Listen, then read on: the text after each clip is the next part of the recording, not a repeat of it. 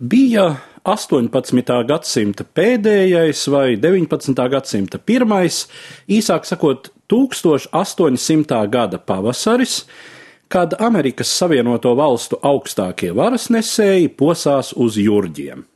No līdzšinējās galvaspilsētas Filadelfijā viņi pārcēlās uz jauno galvaspilsētu Vašingtonu, kas atradās īpaši izveidotā Kolumbijas federālajā apgabalā Potomakas upes krastos. Vietu galvaspilsētai izraudzījies pirmais Savienoto Valstu prezidents Džordžs Vašingtons, un pilsēta nes viņa vārdu. Savukārt, gandrīz tukšā vietā būvējamās metropoles projekts pieder franču izcelsmes arhitektam Pieram Šarlam Lanfānam.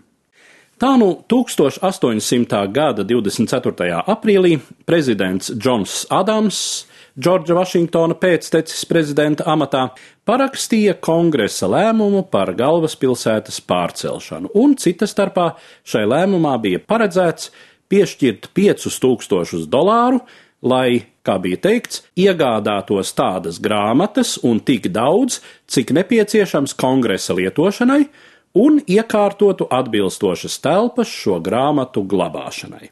Tas arī ir sākums Amerikas Savienoto Valstu kongresa bibliotēkai, kas sākumā iecerēta kā grāmatu krājums likumdevēju vajadzībām, vēlāk kļūst par Amerikas Savienoto Valstu de facto nacionālo bibliotēku un vienu no bagātākajām un prestižākajām grāmatu un rokrakstu krātuvēm visā pasaulē.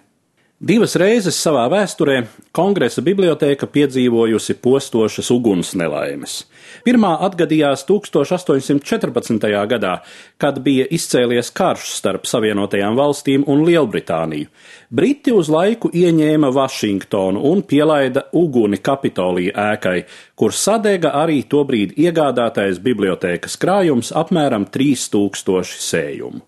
Tad nu bijušais prezidents Tomas Jeffersons piedāvāja šķirties no savas personiskās, visa mūža laikā vāktās bibliotēkas nepilniem sešiem ar pusi tūkstošiem sējumu.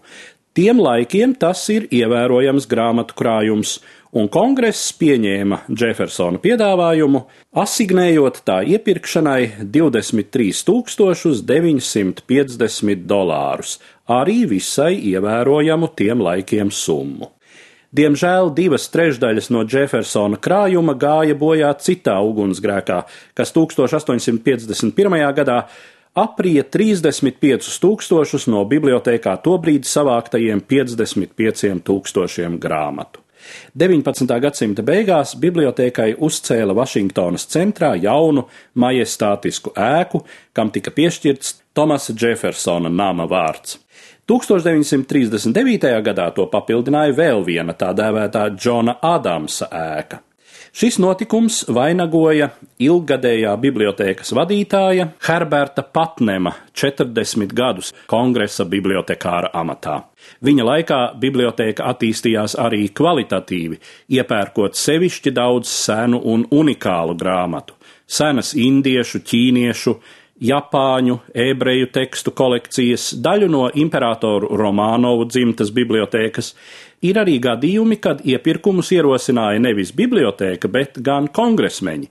Slavenākais gadījums - Oto Volbēra inkunābulu kolekcijas iepirkšana par pusotru miljonu dolāru 1929. gadā.